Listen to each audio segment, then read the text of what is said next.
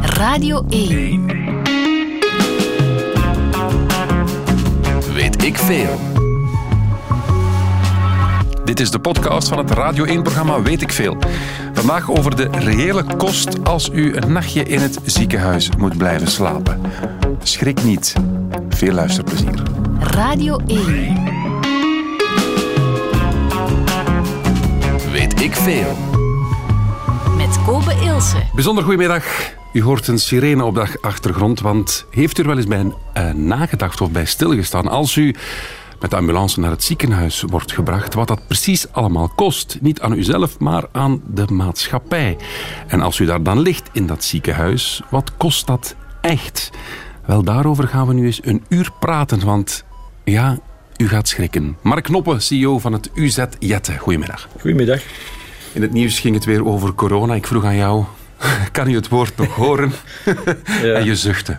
Ja, we zitten er nu bijna exact twee jaar in. Ja. 6 maart uh, 2020 waren onze twee eerste patiënten binnen. Ja, en we zitten nu aan 3300 en zoveel.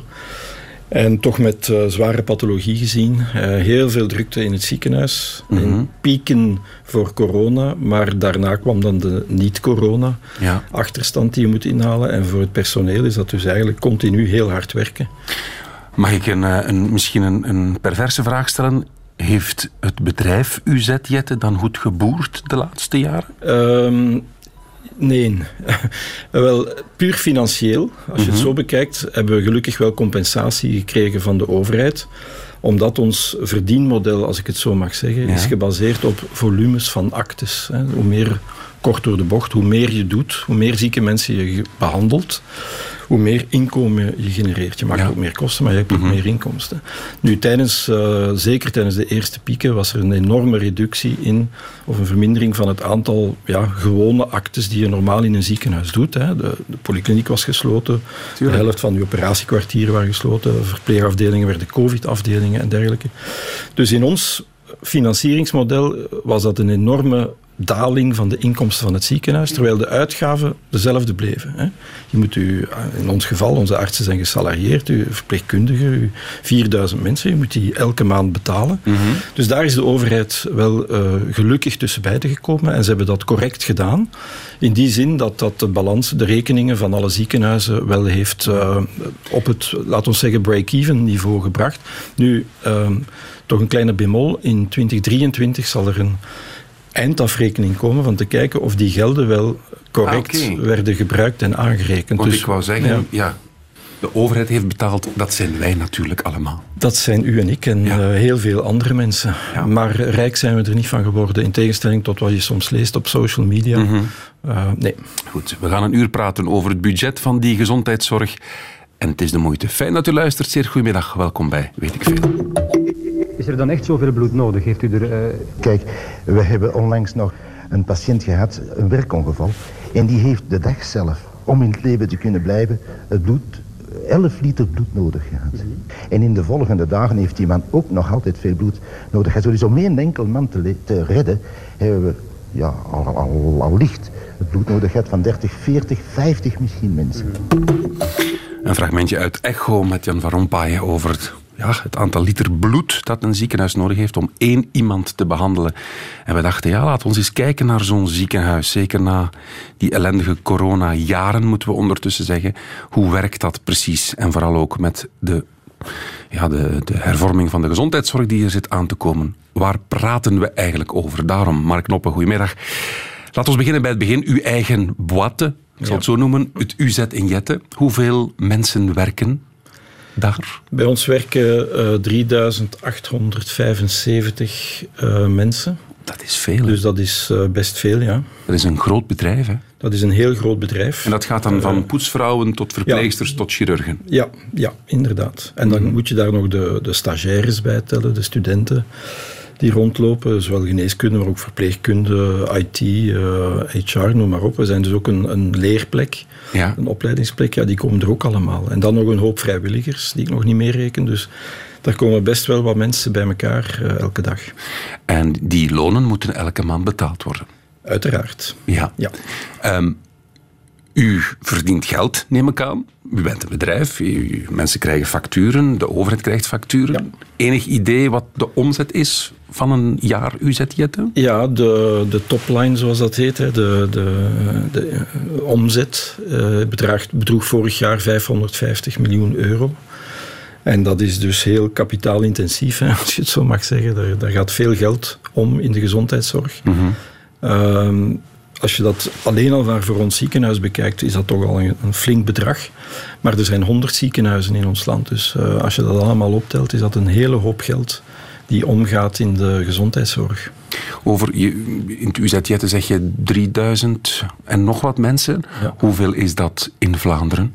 In België? Hoeveel mensen werken uh, rechtstreeks voor een ziekenhuis? Als je als je het bekijkt in de sector, in de gezondheidszorg, is het iets van een 13, 14 procent, dacht ik, van de Belgische beroepsbevolking die rechtstreeks en onrechtstreeks in de gezondheidszorg werkt. Wauw. Dus dat is dat, wat, iets wat weinig mensen weten. Het is de grootste sector van het land. 1 op 8 ja. aan het werk is ja. voor die gezondheidszorg. Ja. En ook qua uh, budgetten. Uh, met een, uh, een, een, kost, als ik het zo mag zeggen, van 10,3% van het bruto binnenlands product, dat toch 500 en zoveel miljard per jaar bedraagt, ja, is dat meer dan 50 miljard uh, omzet in de sector. En daarmee zijn we ook de grootste sector. Groter dan de, de, de chemie of het onderwijs of, ja, of ja, whatever. Ja. Hoeveel voltijdse banen levert dat op? Um, goeie vraag. Um, ik heb het, het, het, dat is helemaal uit het hoofd. Maar er zijn iets van een 400.000 verpleegkundigen en ambulanciers. 475.000, dacht ik, zoiets in ons land. Mm -hmm. uh, ja, er zijn enkele tienduizenden artsen daarbij. Uh, het, is, het, is, een hele hoop mensen die, die we nodig hebben ook. En dan spreek ik nog niet voor ondersteunend personeel. Want uh, ja, die, die mensen die ik net benoem, die staan aan het bed van de patiënt, bij manier ja. van spreken. Maar je hebt ook nog het gebouw, je hebt... Uh, de catering, bij wij, de, catering ja, uh, de schoonmaak, noem maar op. Dus dat is best een, een, hele organisatie. Mm -hmm. En toch hoor je, lees je, draait die sector verlies met verlies? Um, ja, wat het is te zien wat je, wat je, wat je verlies noemt. Hè. Um, ja, want, dat wordt toch gedekt. Daar, ja, daar gaan we straks zo dieper op ingaan. Maar er, dat, er is ja. een verschil tussen, tussen um, aanrekening, aanrekening ja. van geld en de effectieve kostprijs. Maar ook de, wat ik jammer vind, is dat de gezondheidszorg altijd als een kost wordt geprojecteerd, terwijl het ook een opbrengstmotor is. Want als je mensen gezond houdt of gezond maakt, gaan ze weer aan het werk en, en zijn ze niet meer op ziekteverlof en, en, dragen ze bij tot de maatschappij en tot het bruto nationaal geluk, om het zo maar eens te zeggen. Mm -hmm. Dus je, je, kan het ook zien als een, als een, als een investering. Hè. Investeer, en dan heb ik het vooral over niet zozeer de ziekenzorg, waar wij nu heel hard op gefocust zijn, maar ook op gezondheidszorg. En dat zou je eerder als een investering naar de toekomst moeten zien. Ja, maar als we het nu puur economisch bekijken, zijn ziekenhuizen gezonde bedrijven? Nee. Nee, er is elk jaar een, een grote analyse, de MAHA-analyse heet die, die door een bank wordt uh, gecoördineerd en verricht. En waar elk jaar de, de, de rekeningen en de balansen van de ziekenhuizen tegen het licht worden gehouden. En dan zie je, ik, ik spring nu niet over de coronajaren, die zijn, hè, dat ja, is OR-categorie zoals we zeggen, maar 2019 was het laatste normale jaar, uh, zal ik zeggen. En dan, dan zie je toch dat een, een kwart tot een derde van de ziekenhuizen verlies maken. En dat naar schatting 1 op 7 eigenlijk niet langer solvabel zijn, dus eigenlijk failliet zijn, hè, maar worden in stand gehouden, publieke ziekenhuizen enzovoort. Uh, en die eigenlijk bedrijfseconomisch niet goed draaien. Hè. Je moet weten dat de marges, de gemiddelde marge van de ziekenhuizen in België is een half procent. Dus wij, wij zijn nog financieel gezond. Wij, wij draaien 1, 2 procent. Op 550 miljoen is dat well, 5 à 10 miljoen per jaar. Mm -hmm. En wat bedoel je dan? Dat is peanuts. Hè?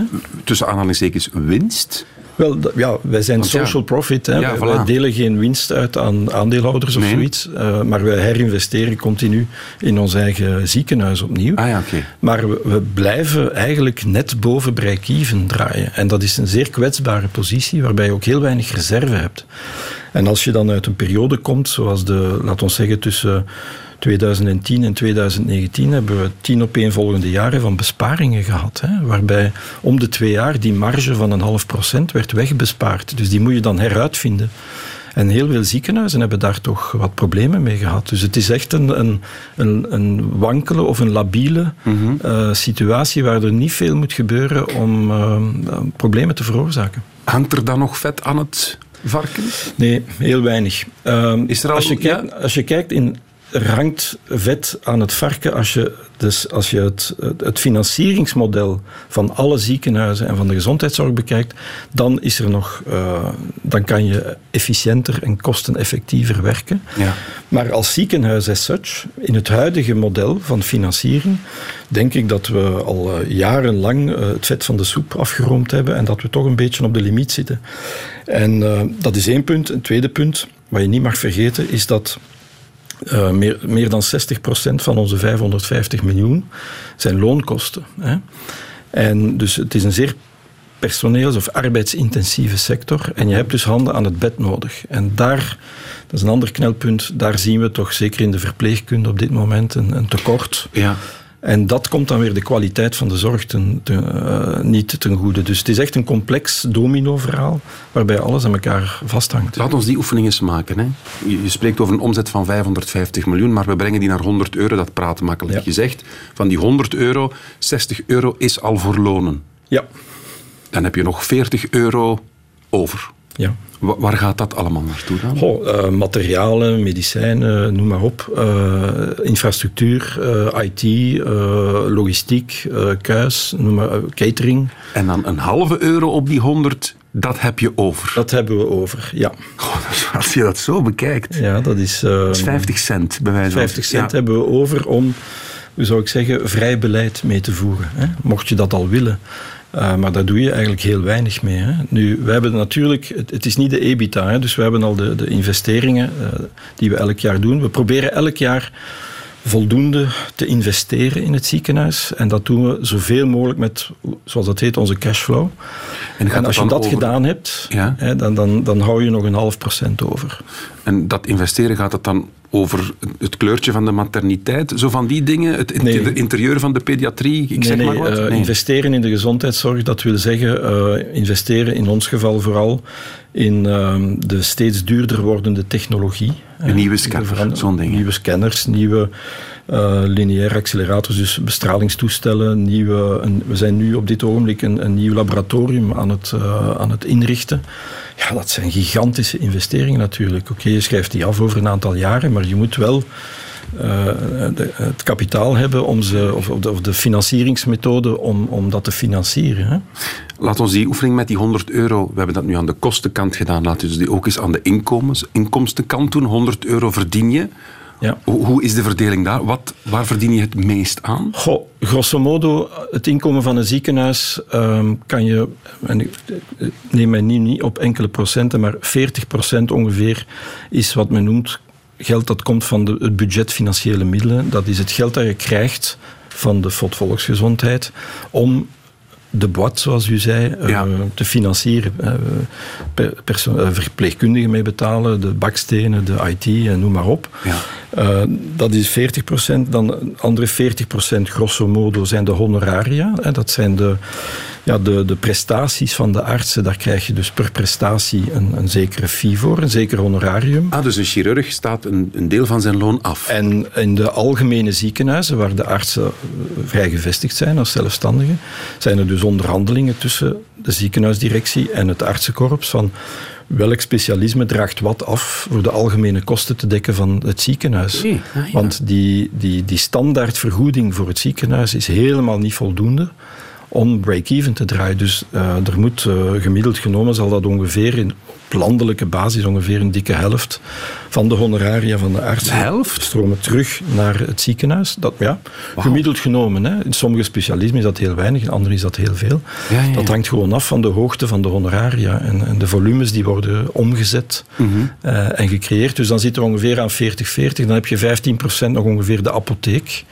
De inkomsten uit de apotheek, want de medicijnen die wij kopen, ja, die verkopen wij ook weer aan Met de patiënt. marge. Dat is weer een, een, een, een kleine marge. Dat wordt een kleine marge. Dat is, vroeger was dat anders. Ja. Maar tegenwoordig zit je met openbare aanbestedingen en dergelijke. Dus dat is allemaal veel transparanter dan vroeger het geval was. En dan heb je nog een 5% ongeveer met wat men noemt conventies. Dat zijn dus eh, afspraken met het RISIF, met eh, het betalingsorganisme, het verzekeringsorgaan, waar dat je dus een soort enveloppenfinanciering hebt. Voor een bepaalde pathologie krijg je dan een enveloppe geld, Ja. ongeacht welke prestaties je daarmee dan bij manier van spreken doet. En hoeveel procent haal je uit de parking?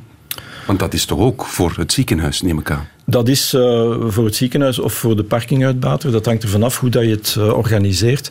Maar dit zijn druppels op een hete plaat. We gaan niet rijk worden van ons cafetaria, onze parking of onze kapper. Eh, dat, dat is niet. Ja, Frits, Frits is mijn dokter, hè. Ja, luister, dat, dat vind ik al fout dat ik Frits zeg. Je moet nooit tegen een dokter Frits zeggen. Eh, ook niet als hij Frits heet. Eh. Want je moet niet, niet zo tutoyeren met een dokter. Dat is niet goed. Maar Frits die maakt mij zo zenuwachtig. Dus dan ben ik al ziek en dan krijg ik er nog wat bij. Hij, hij maakt me, en weet je hoe dat komt? Omdat overdreven zorgvuldig. Ken je dat? Ik hoef maar iets te hebben, dan begint poep, luisteren en doen. En ik was laatst bij hem op het spreekuur. Nou, ongelogen zeg, heeft me drie kwartier nagekeken. Dat is te lang, dat is te lang, mens. Ja, en dat is nog tot daar en toe, maar dan zegt hij niet wat ik heb. En dat vind ik vreselijk. Dan breekt me de angstzweet uit. Hij zegt niet wat ik heb. Dus al, zou hij maar zeggen, hebt een preferatus generensius. Hè? Ja, dan weet je nog niks, maar ja, dan heb je tenminste wat. Ja, als ik ziek ben, wil ik ook wat hebben. Hij zegt niet wat ik heb. Dankjewel, Toon Hermans. Wat had hij? Preferentius? Eh preferatius, eh, referentius of zoiets. Enig idee? Eh, een, Ton Herman syndroom.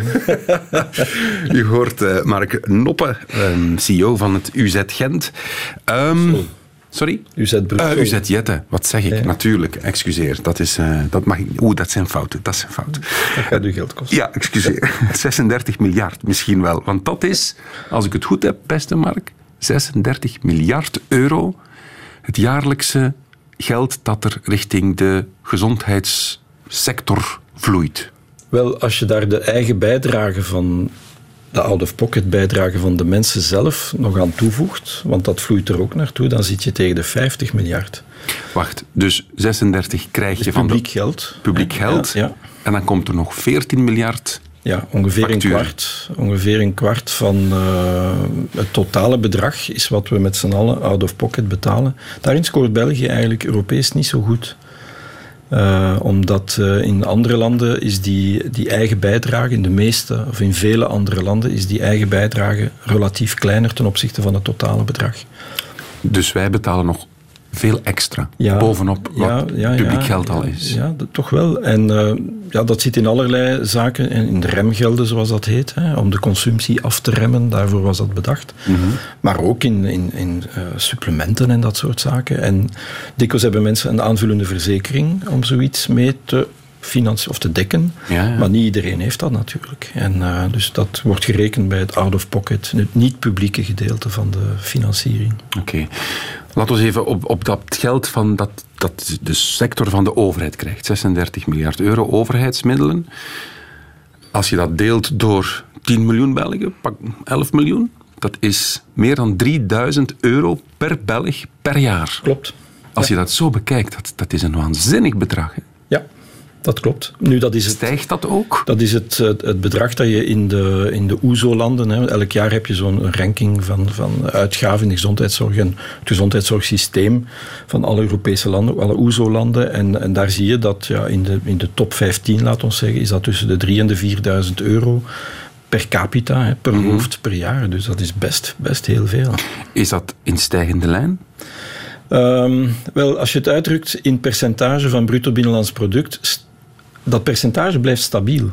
Maar wij worden, wij worden rijker. Hè. Eh, Health is wealth, zegt men. Nochtans, Eh, vorige week zat Geert Noels hier en die zei dat wij aan een recordtempo armer werden. ja, oké, dat is vanuit zijn standpunt bekeken. eh, begrijp ik dat ook. Maar dat is dan gezien de, de recente eh, issues, zal ik maar zeggen, die er eh, geo, geostrategisch, geopolitiek aan het gebeuren zijn. Maar het bruto binnenlands product is, stijgt elk jaar. En of tot nog toe is tot nog toe elk jaar gestegen. Misschien met, met COVID een, een, een dipje. Maar eh, in percentage van dat bedrag, ja, dat stijgt dus mee. En ja, wij worden rijker en dus geven we ook in euro's uitgedrukt meer uit per capita per jaar. En je zegt dat we daarmee ook binnen Europa aan, aan, aan de, in de top zitten. Ja, in het, in het, ja, we zijn niet de duurste, Oké. Eh, maar we zitten zo in, in het eh, in wielrennen zouden we zeggen, zitten in het eerste peloton. hè. Ja, ja. Welk land is nog duurder?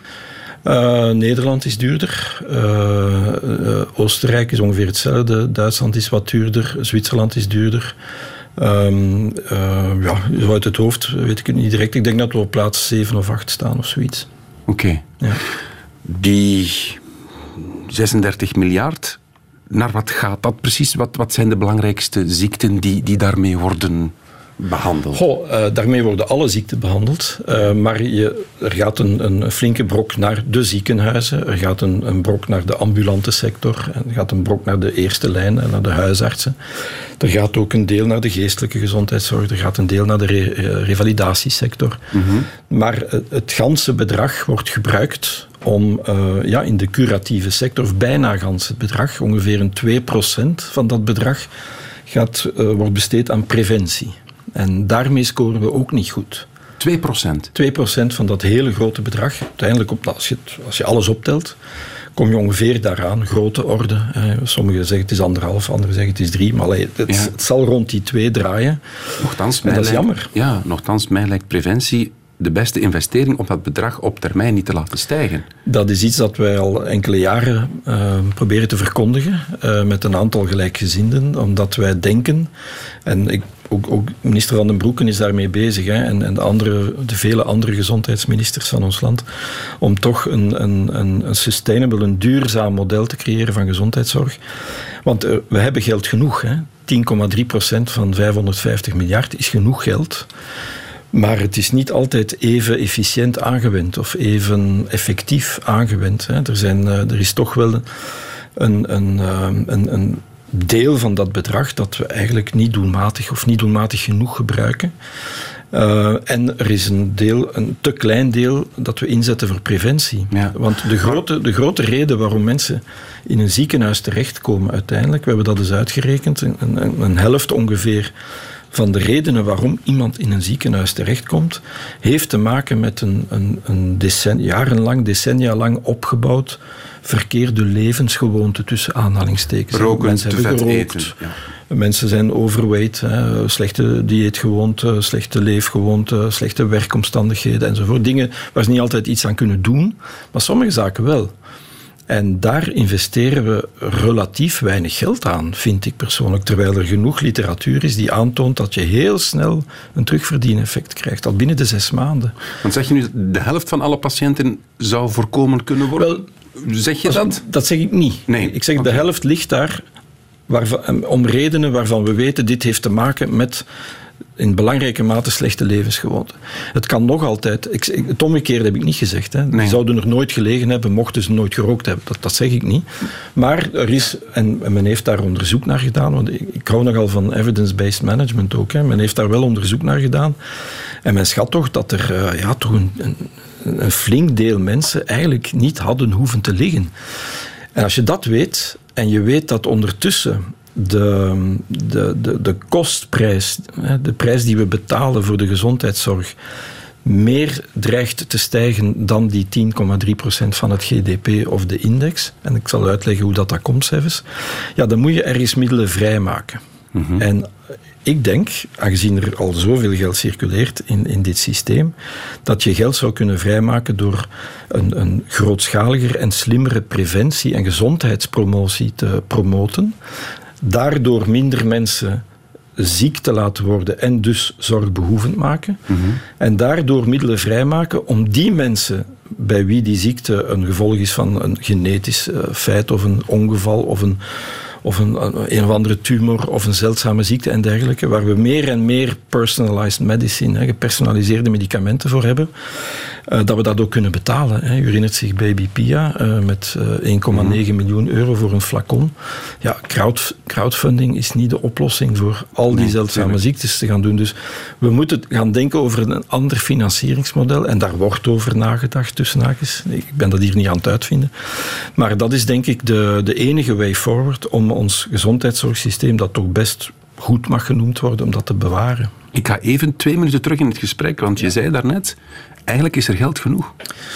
Ja, omdat... Daar schrik ik van, want we zijn begonnen aan deze uitzending met te zeggen, ja, wij draaien aan een, een half procent marge. Ja, ja maar dat is, uh, als we ons huidig financieringssysteem en ons huidig, zoals men dat zo mooi zegt, paradigma behouden, hè, met focus, focus, focus op curatie, curatie, curatie. En, behandeling, en, ja. Behandeling enzovoort. Uh, en het financieringsmodel dat vooral toch nog altijd volume geïncentiveerd is, waarbij je beloond wordt om zoveel mogelijk zieke patiënten te behandelen, dan, dan raken we er niet. Je moet daar eens over nadenken. Hè. Dus wij worden, en ik spreek nu een beetje als een boetade, hè, maar wij worden betaald om zoveel mogelijk zieke mensen zo, zo snel en zoveel mogelijk te behandelen. Maar als alle honderd ziekenhuizen van België die, mm-hmm.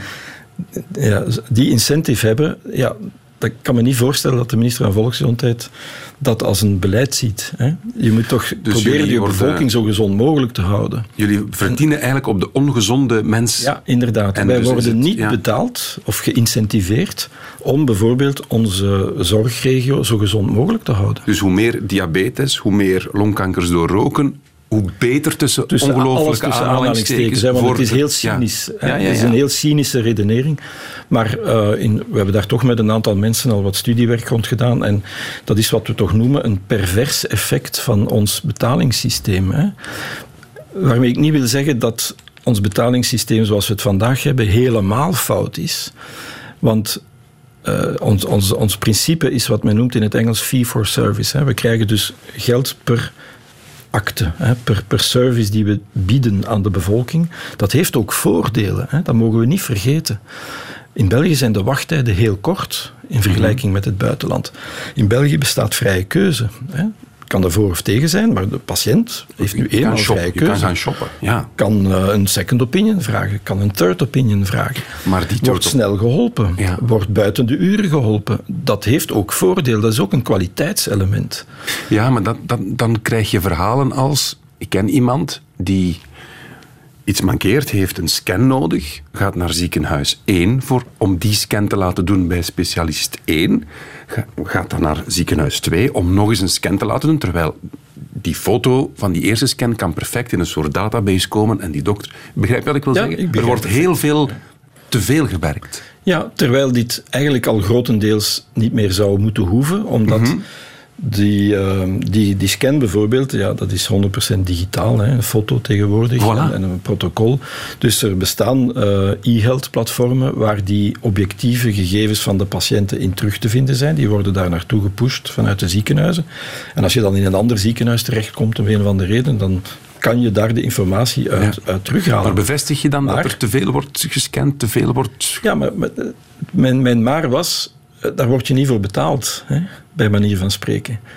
Uh, die scan ja, die, die brengt hoe dan ook middelen op voor het ziekenhuis waarmee we onze lonen kunnen betalen, bij manier van spreken. Hè. Dus daar komt het wel op neer. En dat is, dat is het ongezonde, dus het is uh, c'est le cadeau zeggen ze in Brussel, het ongezonde van het systeem. Dat is dat je uh, er baat bij hebt hè, om die dure machines te doen draaien. Hè. En da daarmee wijs ik niet, en ik wil dat toch even zeggen, ik wijs daar niet met een beschuldigende vinger naar uh, in dit geval radiologen of klinisch biologen of welke specialist ook. Het is gewoon het systeem. En dan moet je gewoon eens vergelijken met buurlanden. Hè. Hoeveel, hoeveel onderzoeken gebeuren er per Belg per jaar in België en hoeveel gebeuren er in Nederland en in Frankrijk en Duitsland en Engeland. En vergelijk dan de gezondheidsuitkomst. Hè. Kan je, ken je en die, die cijfers bestaan. Hè. Dus wij, wij, wij uh, verbruiken, als ik het zo mag zeggen, veel meer zorg en technologie en technieken en ook medicatie, by the way, uh, dan in vele van onze buurlanden. En als je, daar dan, als je dat in grafiek zet en je zet dan het terugbetalingssysteem in dezelfde grafiek, dan zie je perfect waar het aan scheelt natuurlijk. Ja. Als je beloond wordt om dat te doen, ja, dan ga je het doen.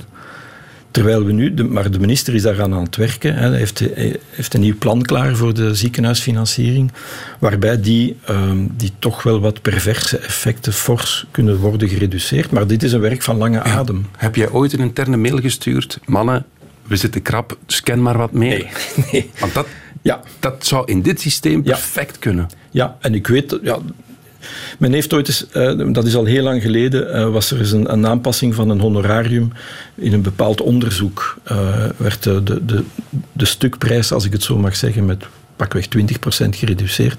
Ja, wat we, het jaar erop waren er 20% meer onderzoeken. Hè. Zo simpel is het. Dus dat is een, op zo'n systeem kan je ook heel moeilijk besparen. Hè. En dat is ook moeilijk, want Wij werken in een universitair ziekenhuis en heel wat van de artsen die daar werken, eh, de meeste alleszins, zijn naast de zorg ook geïnteresseerd in, in de academie, hè, in lesgeven, in onderzoek, in innovatie, in nieuwe technieken enzovoort. En die hebben per definitie voor dit model gekozen. En niet. En, en de artsen zijn, eh, de meeste zijn gesalarieerd, hebben een vast inkomen. Dus het artseninkomen hangt niet af van het volume dat zij omzetten. Oké. Ja, dat is geen rechtstreekse band. Wel onrechtstreeks, hè, want het ziekenhuis betaalt de Ja, ja. salarissen.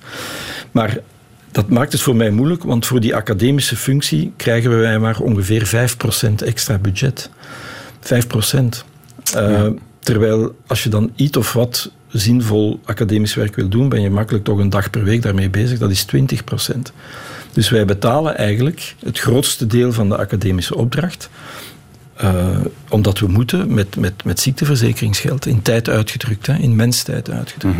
Dus dat is een van de zaken waar, waar we ook mee eh, ja, eh, ook vergelijken met het buitenland. En da- daar scoren we ook weer niet zo goed. Ja, De gezondheid is niet de afwezigheid van de ziekte, maar is wel de, die toestand waarin wij ons optimaal goed voelen, zowel fysisch, psychisch als sociaal. Dus we moeten een strenge norm aannemen. Dat komt ongeveer neer op 32 kubieke meter lucht per persoon en per uur. Die hebben we hier niet. Die hebben we natuurlijk niet, maar hier zijn veel reten en kieren, zodanig dat, men, eh, dat we kunnen toekomen met 10 kubieke meter per uur en per persoon. Met de gezondheid bezig zijn. Het is van alle tijden, ook uit de tijd van Echo. Bij mij in de studio, Mark Noppen, CEO van het UZ Brussel in Jette, is dat. Het gaat over ja, het bedrijf, de gezondheidszorg, want het, het gaat om geld, hè Mark? Ja. Het gaat over onze gezondheid, maar het gaat Ook over geld. over een gigantisch bedrag dat jullie krijgen van de overheid, 36 miljard, waarmee verpleegsters, maar ook IT-sectoren, poetsvrouwen, dat moet allemaal betaald worden, dat hebben we al geleerd. Kunnen we eens concreet gaan? Ehm, Zo'n MRI-scan. Als ik dat laat doen, ik heb dat denk ik ooit wel eens moeten laten doen, dat kost mij als consument, als patiënt, wat kost mij dat? 9,92 euro. Peanuts. Ja. En als u tot de vroegere Wiegwee behoort, dus tot de, de mensen met een voorkeurstarief, is het eh, 2,97 euro. Ja, maar Ja. daar hangt een reële kost aan vast. Ja. Daar hangt ten eerste een tarief aan vast, want dat is niet noodzakelijk de reële kost, maar wat, de, wat wij tarifiëren via de mutualiteiten aan, aan eh, de ziekteverzekering voor een MR van uw knie bijvoorbeeld is 127,7 euro. Dus dat is meer dan tien keer meer dan dat u uit eigen zak betaalt. Ja. En eh, ja, 40 keer meer dan eh, wat een eh, voorkeurstarief persoon eh, betaalt.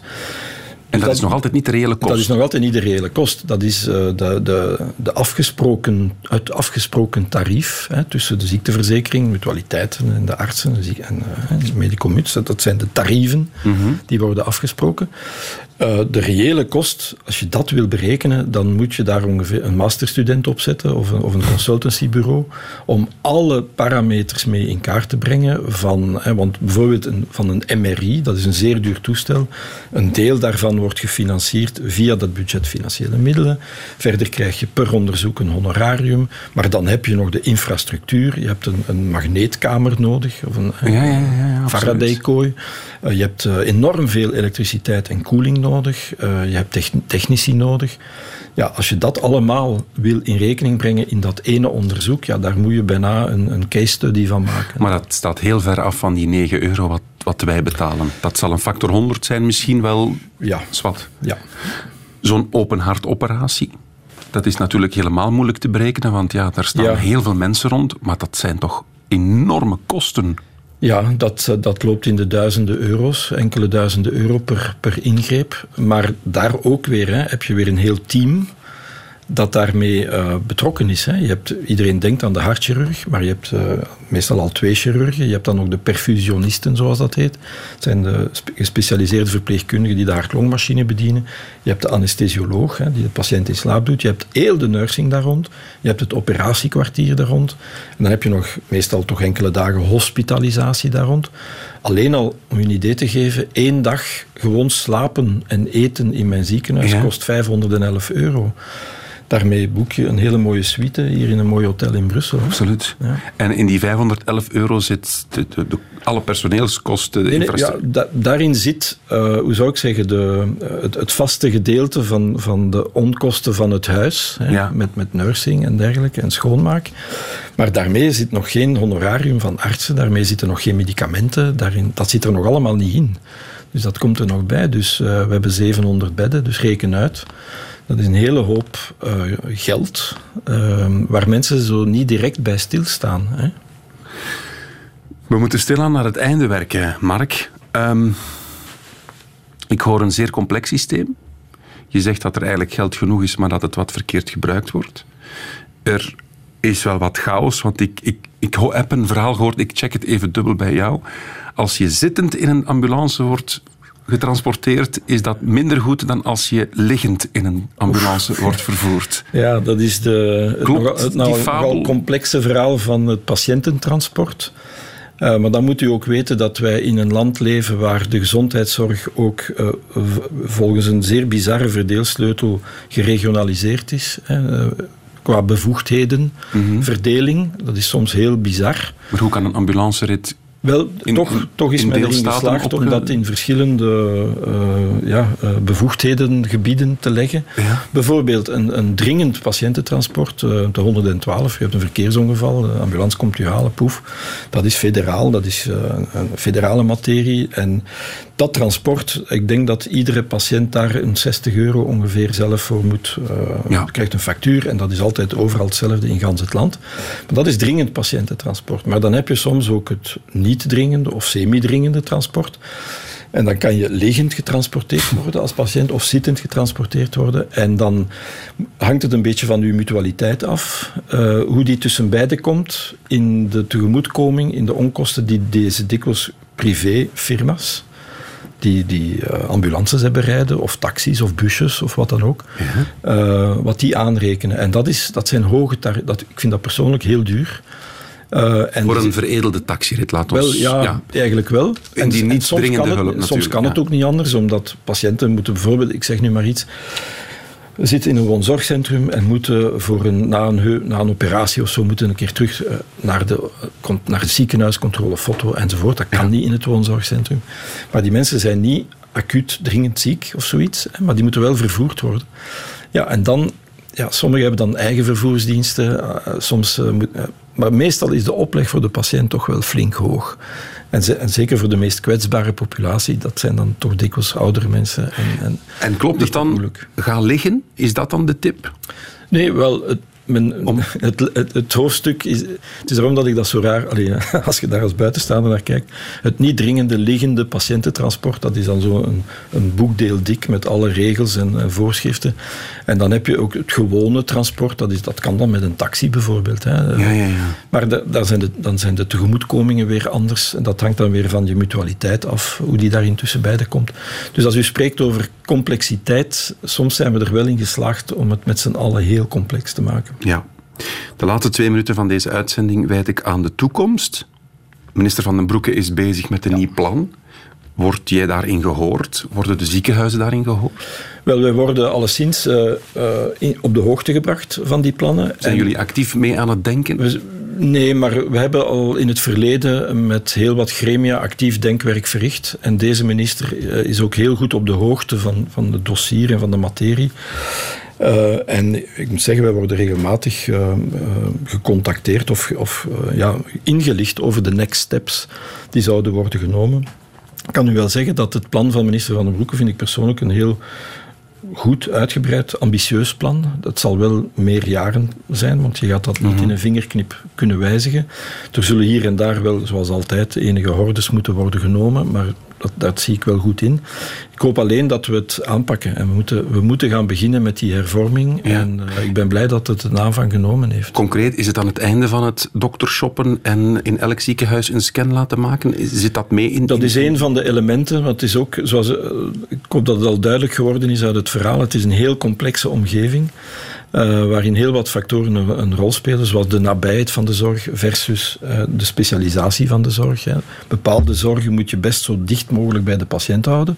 En, ik zeg maar wat, een spoeddienst, een materniteit, een geriatrie. Andere moet je liefst concentreren, omdat het heel duur is of heel specialistisch. Okay. Maar daar, is, uh, daar wordt werk van gemaakt en ik heb daar toch wel vertrouwen in. Goed. Mark, mag ik u danken voor dit uur?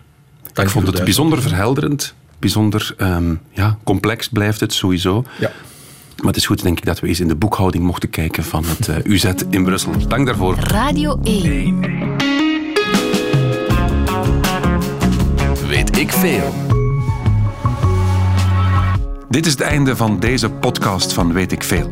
Weet ik veel is trouwens een programma van Radio 1. Op radio1.be vindt u nog veel meer.